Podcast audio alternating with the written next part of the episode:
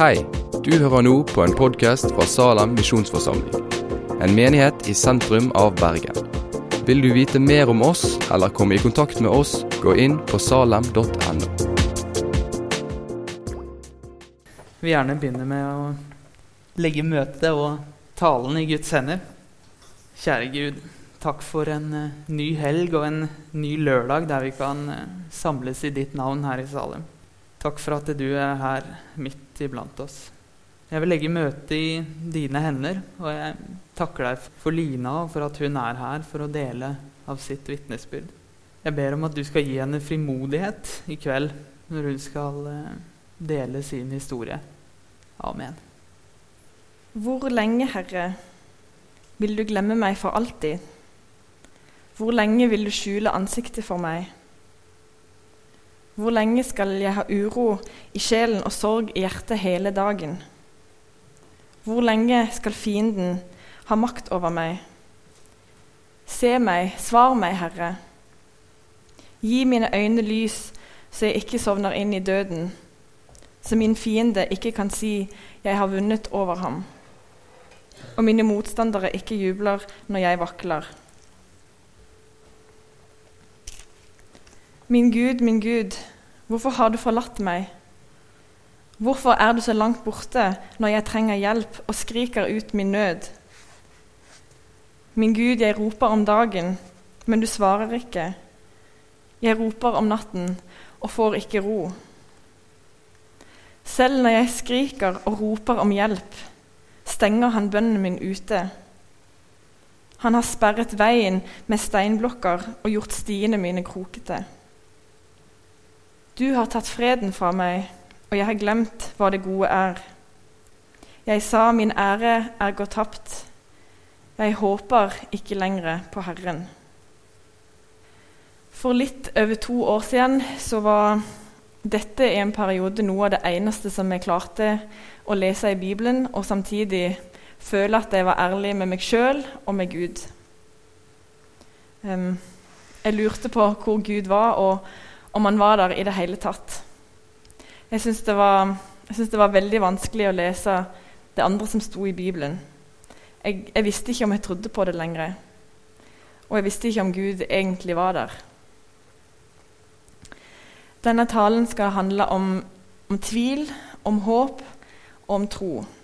Og jeg skal prøve å dele et, et ærlig glimt av erfaringer som jeg har gjort rundt det å tvile på om Gud finnes. Eh, vi er alle veldig forskjellige og kommer her med forskjellige bakgrunner. Og det er ikke sikkert at du kjenner deg igjen i alt det som jeg deler her i kveld, eller at du er enig i alt det som jeg deler, og det er helt greit. Men jeg håper at uh, du kan få noen tanker eller noen spørsmål som du kan stille deg sjøl, som du kan ja, snakke med noen venner om, og ikke minst at du kanskje får noen tanker og spørsmål som du kan dele med Gud. Eh, og jeg har bedt Gud om at han må utfordre og berøre hver enkelt av dere.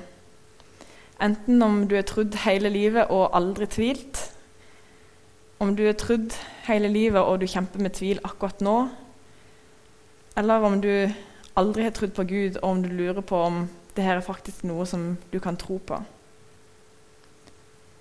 Eh, I Paulus sitt brev til korinteren så står det Jeg forkynte ikke mitt budskap med overtalende visdomsord, men med ånd og kraft som bevis, for deres tro ikke skulle bygge på menneskelig visdom, men på Guds kraft. Og Det handler altså ikke om mine overtalende ord. For kanskje hadde du håpet at jeg bare skulle gi deg noen enkle svar, eller at jeg bare skulle prøve å overtale deg. Når jeg tvilte som mest, så var det eneste jeg ønsket noen gode argument jeg kunne slå i bordet med. Både for meg sjøl og for andre som stilte spørsmål ved troa mi. Men jeg kan røpe allerede nå at det er ikke det jeg har tenkt å gjøre. Eh, jeg tror ikke at det holder i lengden. Og jeg tror ikke at Gud, om han fins, først og fremst vil at vi skal finne alle de rette svarene. Han vil at vi skal søke Han. I februar for litt over to år siden så dro jeg til New Zealand på bibelskole.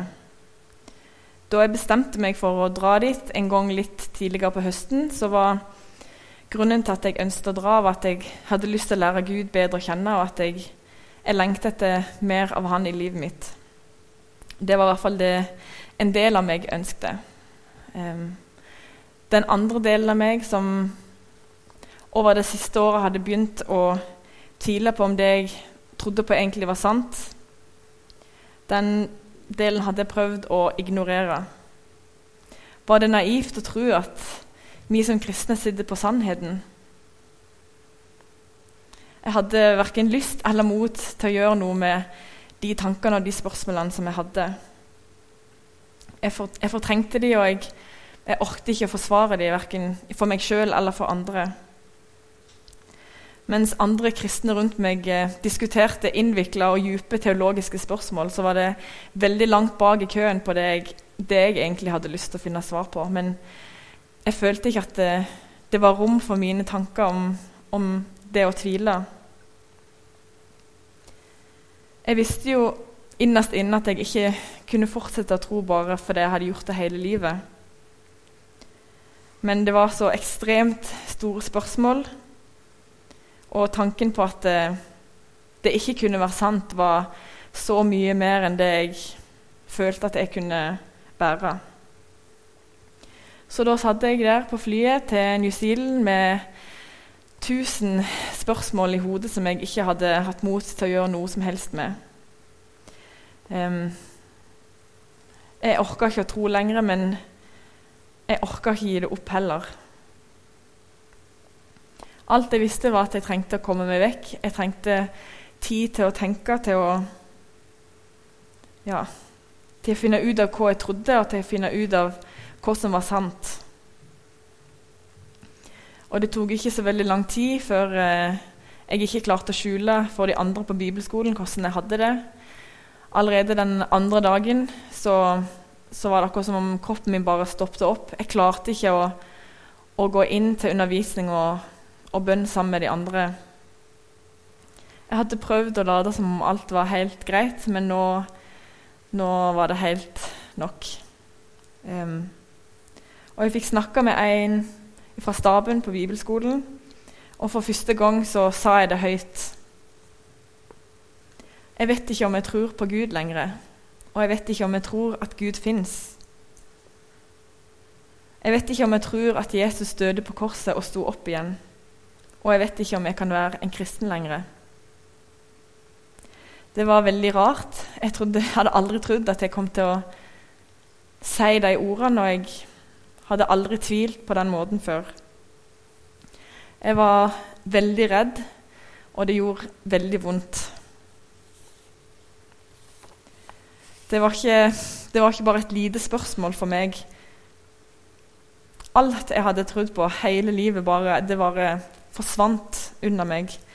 Og jeg gikk gjennom min største troskrise. Jeg hadde ingen av mine nærmeste familie der, eller mine nærmeste venner. Jeg følte meg veldig, veldig ensom. Jeg hadde ikke klart å sette ord på det jeg tenkte eller følte i Norge på norsk. Og nå var jeg sammen med masse fremmede folk og måtte prøve å stotre fram noe på engelsk. Og jeg jeg skjønte ikke hvorfor jeg hadde venta så lenge. Og jeg skjønte heller ikke hvordan jeg hadde havna på en bibelskole når jeg ikke visste om jeg ville tro på Gud lenger. Og så var jeg sikker på at staben kom til å få panikk. Eh, tenk å ha en bibelskoleelev som ikke vet om hun tror på Gud engang. Og jeg var, jeg var, sikker på at de kom til å måtte bare ramse opp alle sine beste argument og bare prøve liksom å overtale meg med en gang. Eh, for sånn hadde nemlig jeg reagert en gang. Det var ei venninne av meg som sa at hun ikke ville tro på Gud lenger. Og kanskje så er det flere av dere som er redd for at de rundt dere ikke vil tåle tvilen vår, og derfor så lar vi være å si noe. Men eh, de fikk ikke panikk. De var helt rolige, og de sa Men vi tror jo at Gud fins. Vi tror at han lever. Ellers hadde vi ikke holdt på med dette. Vi tror at han er mye større enn alle dine spørsmål, at han tåler tvilen din, og at det er normalt. Vi tror at han vil møte deg hvis du begynner å fortelle han hvordan du føler det, og at du er ærlig med han om hva du tenker. Vi tror at han vil møte deg. Det var svaret jeg fikk, og jeg var veldig frustrert. Var det alt? Ikke noen eh, Kunne de ikke prøvd å overtale meg engang? Um, jeg var så klar for det og var liksom klar for bare å bli ferdig med alt og bare bli overbevist og fortsette som før. Og jeg lurte seriøst på om jeg bare skulle ditche hele skolen og stikke fra alt. Men jeg bestemte meg for at når jeg først hadde dratt så langt, så kunne jeg ikke gi meg nå. Jeg hadde lyst til å gi det en siste fair sjanse. Jeg hadde lyst til å ha gått inn med alt det som jeg har, sånn at jeg etterpå kunne si helt sikkert han fins ikke, men jeg prøvde i hvert fall.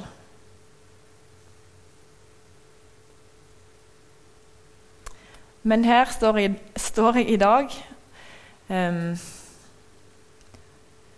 og dere lurer, på, lurer kanskje på hva som skjedde. Fant jeg en oppskrift på hvordan jeg kunne få en urokkelig tro, eller fant jeg Gud? om det er 100% sant? Syns jeg det er kjempelett å lese i Bibelen eller å be? Ikke helt. Sannheten er at jeg fortsatt kjemper med tro av og til. Og av og til ofte. Men jeg tror.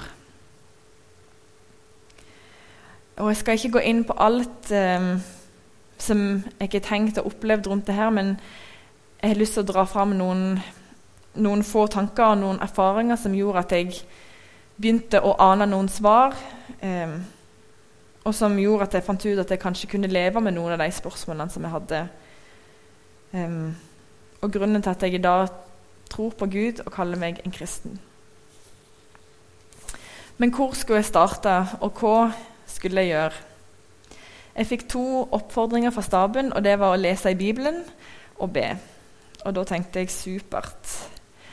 For det første så hadde jeg ikke lest så mye i Bibelen i det siste. Ikke i det hele tatt, egentlig.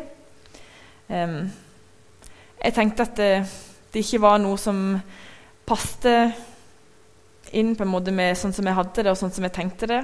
Og jeg følte vel kanskje at jeg ikke på en måte kunne ha noe med Gud å gjøre når jeg hadde det på den måten. Men staben tipsa meg om å lese noen vers i salmene. Um, og Senere så leste jeg òg en del, del i klagesangene. Og Det var de versene som jeg leste for dere i starten. Jeg hadde sikkert lest det før, men der og da så hadde det ikke betydd noe, fordi det ga ikke mening for meg. Og først og fremst så var jeg på en måte litt overraska. Eh, det var faktisk noe i Bibelen jeg kunne lese helt ærlig når jeg egentlig gikk og tenkte at jeg ikke ville være kristen lenger. Det fascinerte meg at det så ut som at Bibelen hadde plass og rom for at det går an å lure på om han fins eller ikke. Så jeg leste de samme versene om igjen og om igjen. Hvor lenge vil du skjule ansiktet for meg? Hvor lenge skal jeg ha uro og sorg i sjelen? Hvorfor er du så langt vekke når jeg skriker ut min nød? Sjøl når jeg skriker og roper om hjelp, så stenger han bønnen min ute. Jeg håper ikke lenger på Herren. Salme 13 den har f.eks. noen vers eh, til slutt etter klagen, der det står Men jeg setter min lit til din miskunn. Mitt hjerte skal juble over din frelse. Jeg vil synge for Herren, for Han har gjort godt mot meg. Men jeg klarte ikke å lese det. Jeg klarte ikke å tro det. Jeg satte bare en stor strek over det i Bibelen min og sa til Gud det her er jeg ikke klar for akkurat nå.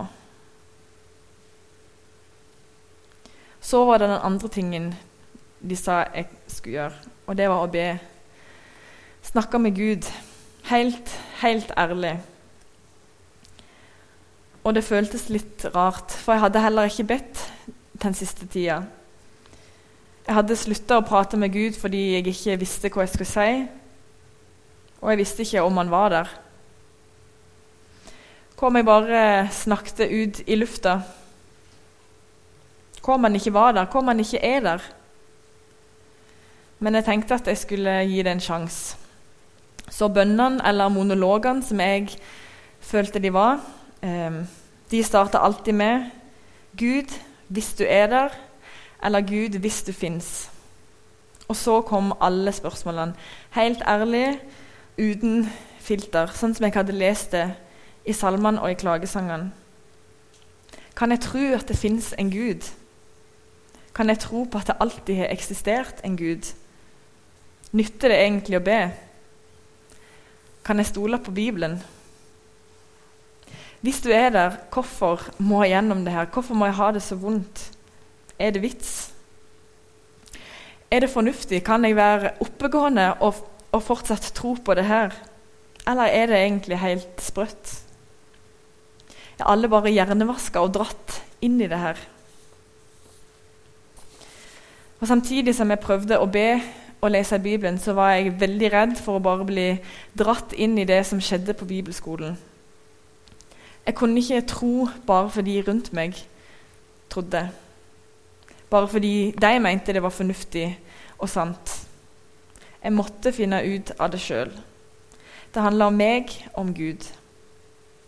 Og jeg måtte våge å stå der i min redsel, i min tvil og i min ensomhet. Prøve å, å rope og teste ut og spørre om hjelp. Jeg visste at jeg måtte finne det ut sjøl, og at jeg ikke lenger kunne tro på det og bygge livet mitt på det bare fordi jeg alltid hadde gjort det. Eller fordi det var min stress, fordi alle de jeg kjente og familien min kom til å komme med tusen spørsmål hvis jeg sa jeg ikke ville være kristen mer.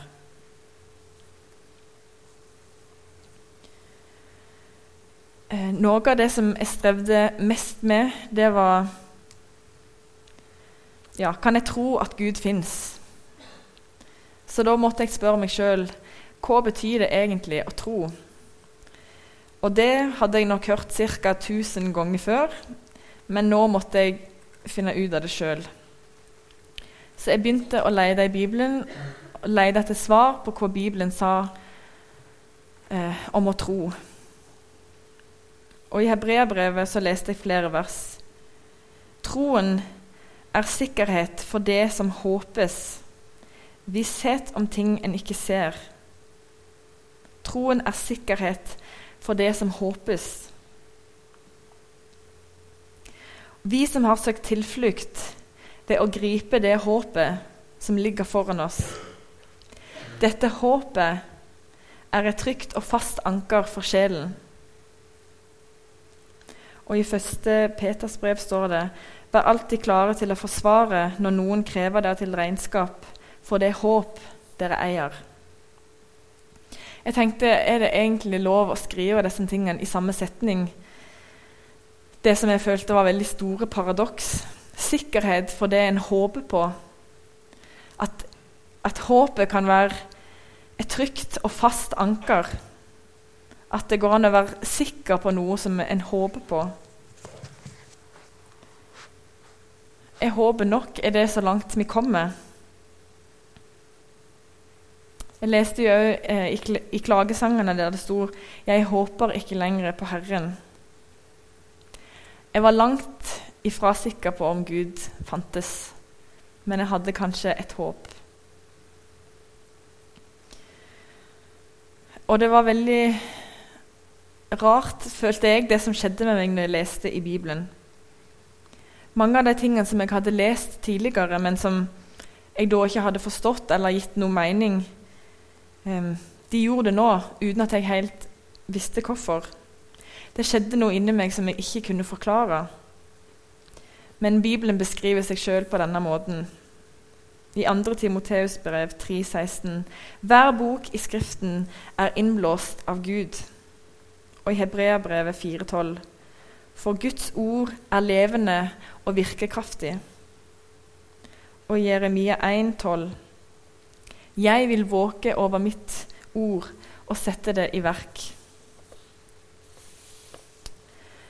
Forfatteren Magnus Malm skriver det her i en av sine bøker. Gjennom alle livets årsider våker Gud over sitt ord, som alltid vibrerer av liv. Til og med når den mørke vinterens iskalde vind hviner i sjelen. Ordets mysterium kan ikke måles. Vi kan bare ane en dyp skjelving når det berører vårt indre. Iblant trenger erfaringen opp til overflaten, der vi famler med tafatte formuleringer. Iblant blir ordet værende i det skjulte for å fortsette sitt verk der. Det er opp til oss. Det som er opp til oss, er å motstå fristelsen til å, til å flykte, bli stående og la ordet få leve sitt liv i oss. Var det det som skjedde med meg? Jeg vet ikke helt, men det var det var noe med de ordene om håp som beskrivelse av tro. Og jeg tenkte mye på om jeg må forstå alt. Er det mulig å forstå alt? Er det nødvendig? Og Jeg leste bl.a. en artikkel der det sto at troen ofte blir beskrevet som et mysterium. Men det trenger ikke bety at den er innvikla eller lite tilgjengelig. Det betyr bare at en ikke kan trenge inn til kjernen i troa på hjernen sine premisser. Gud kan ikke bevises i et mikroskop eller gjennom en stjernekikkert. Fordi Gud er ånd, og han er usynlig. Og han er ikke bundet av tid eller rom. Tro er heller ikke en idé eller en tanke. Det er ikke en, en lære en skal følge. Troen er en erfaring som en må kaste seg inn i med hele seg. Håpe.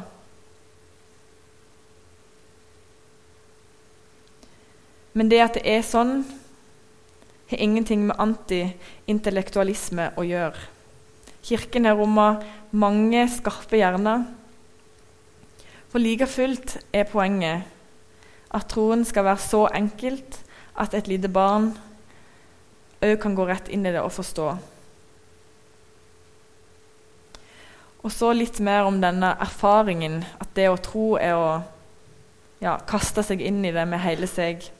Jeg er litt, eh, litt ambivalent og allergisk mot å si at det er en erfaring, fordi jeg er, eh, jeg er redd at det her, som med veldig mange andre ting, skal bli en ting som vi føler at vi må prestere.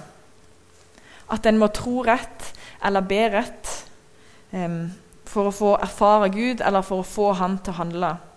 Og Det er ikke det som er poenget. Men det handler om å håpe på at Han er der, og at Han vil svare oss når vi desperat roper og spør om Han faktisk fins. Jeg trodde f.eks. ikke at Gud kunne prate til meg, at jeg kunne ja, oppleve at Han ja, faktisk sa noe til meg, enten om det var gjennom Bibelen eller på andre måter. Det var på en måte stille fra hans side. Så opplevde jeg at eh, en som ikke kjente meg, og som ikke visste noe av det jeg strevde med, skulle be for meg. Og når han ba, så ba han så pinlig konkret om alle de tingene som jeg strevde med rundt tvil, at jeg eh, tenkte bare Gud, det, det, holder. Du trenger ikke fortelle han mer nå. Jeg tar poenget. Kanskje er du der. Og det var som om Gud sa, 'Hallo, jeg er der. Det er sant. Det er ikke bare noe du innbiller deg. Jeg er her, og jeg er helt ekte.' Kanskje var det tilfeldig. Jeg vet ikke. Og jeg vet ikke hvordan Gud vil svare deg. Sannsynligvis ikke likt som han svarte meg. Og kanskje ikke som du tenker, eller kanskje ikke når du tenker det skal skje. Men jeg tror at han vil svare. Jeg tror på en levende Gud. En annen ting som jeg har lyst til å trekke fram, eh, det er å prøve å finne ut av hvorfor du tviler. Hvorfor hadde jeg begynt å tvile det siste året? Jesus spør disiplene og oss i Lukas 24, 38. Hvorfor er dere grepet av angst, og hvorfor våkner tvilen i hjertet deres? Det med at tvilen våkner, sier kanskje noe om at tvilen alltid er der, at det er en del av oss. Vi er født med fri vilje, og Gud tvinger oss ikke til å tro. Men å være kristen det innebærer som jeg sa, en relasjon. En relasjon med hele meg. Og fordi det innebærer hele meg, så er det sånn at vi har mange ting som skjer i livet vårt, og som kan påvirke troa vår. Ja, som påvirker og som gjør at vi kanskje begynner å tvile. Det kan være intellektuell tvil. Det kan være at en har dårlig sjølbilde som gjør at når noen andre setter spørsmål med det du tror på, så er det vanskelig å si noe annet. Det kan være sykdom, det kan være krise, det kan være mange, mange andre ting. Men jeg tror at det kan være lettere å finne en plass til å liksom begynne å finne ut hvor en skal sortere henne, og hvor en skal begynne å jobbe med tvilen hvis en finner svar på noen av de spørsmålene. Og så litt om åpenhet rundt det å tvile. Um, kanskje så var det ikke så lite uh, rom for tvil som det jeg opplevde. Men jeg tror likevel at det er flere enn meg som syns at uh, det kan være vanskelig å dele at en tviler. Men jeg tror at det er veldig bra å få prate med noen om det. Um, oppleve at det er åpent for å snakke om det i menigheten og sammen med venner. Uh, og ikke gå og bære det alene eller skjule det, sånn som jeg gjorde. På den måten så kan tvilen brukes til å søke sannhet, til å finne svar og kanskje til å styrke troa. Når vi deler liv med hverandre, så kan vi òg få lov å be for hverandre og oppmuntre hverandre og her syns jeg um, Magnus Malm sier det veldig fint når han skriver Vi kan få oppmuntre hverandre og si 'hold ut'. Du er ikke gal. Stå for det du tror på. Det er sant. Men den endelige bekreftelsen på at vi ikke er gale, vi som lengtet, håpte og trodde, den får vi ikke før den dagen vi møter våre brødre og søstre foran Guds trone. Først der vil det forvirrede mønsteret og de vage antydningene i våre liv tre fram i sin helhet og klarhet. Hvis kristen tro er sann, så tåler den spørsmålene våre. Det er ikke jeg som skal opprettholde Bibelen eller Guds troverdighet med å ikke tvile. Det er f.eks. ingenting som tyder på at eh, disippelen Thomas, eh, en som kjente Jesus aller best, at han ble kasta ut av disiplene eller av Jesus fordi han tvilte på om Jesus hadde stått opp fra de døde etter han ble korsfesta. Thomas han fikk lov til å sette ord på det han følte, og Jesus møtte han i det. Thomas han sa til de andre.: Dersom jeg ikke får se naglemerkene i hendene hans og får legge fingeren i dem og stikke hånden i siden hans, kan jeg ikke tro. Tenk å ville legge hendene sine i såret på noen.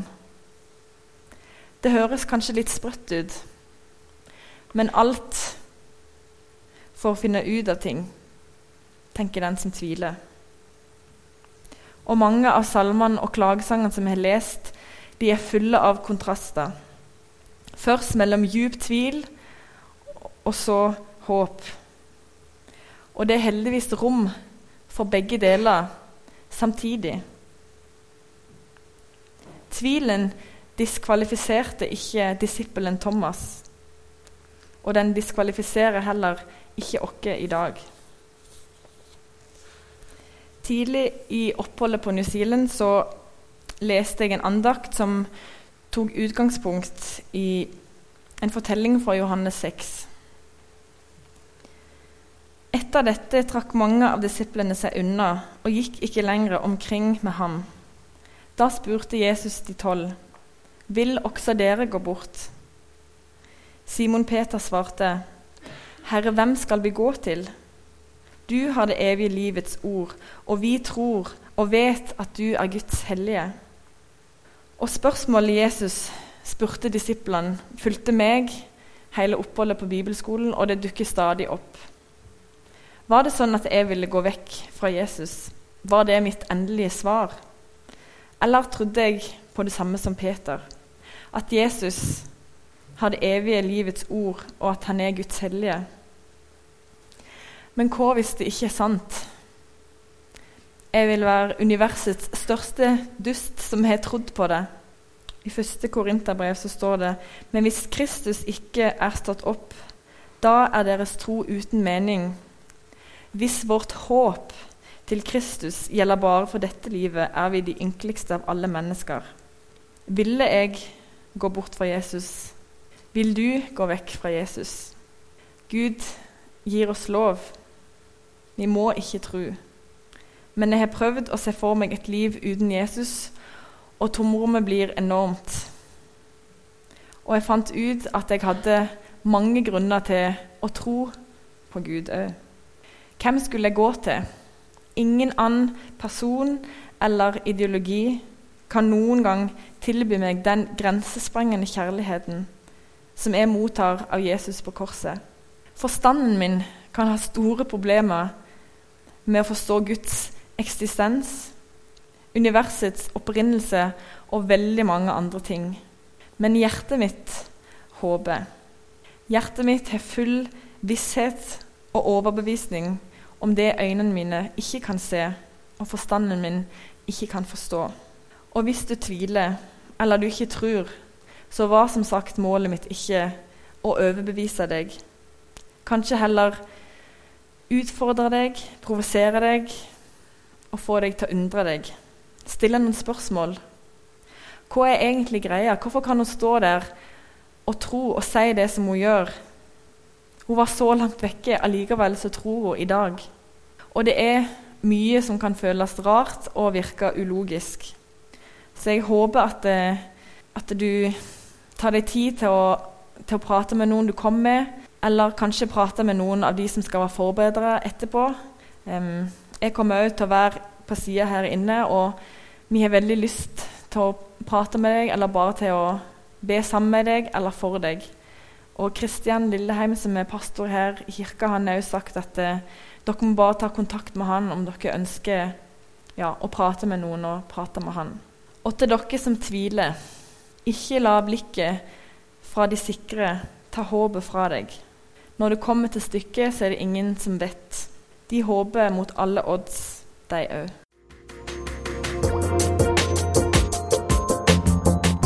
Takk for at du har hørt på podkasten fra Salem, Bergen. I Salem vil vi vokse i et stadig dypere fellesskap med Gud og med hverandre.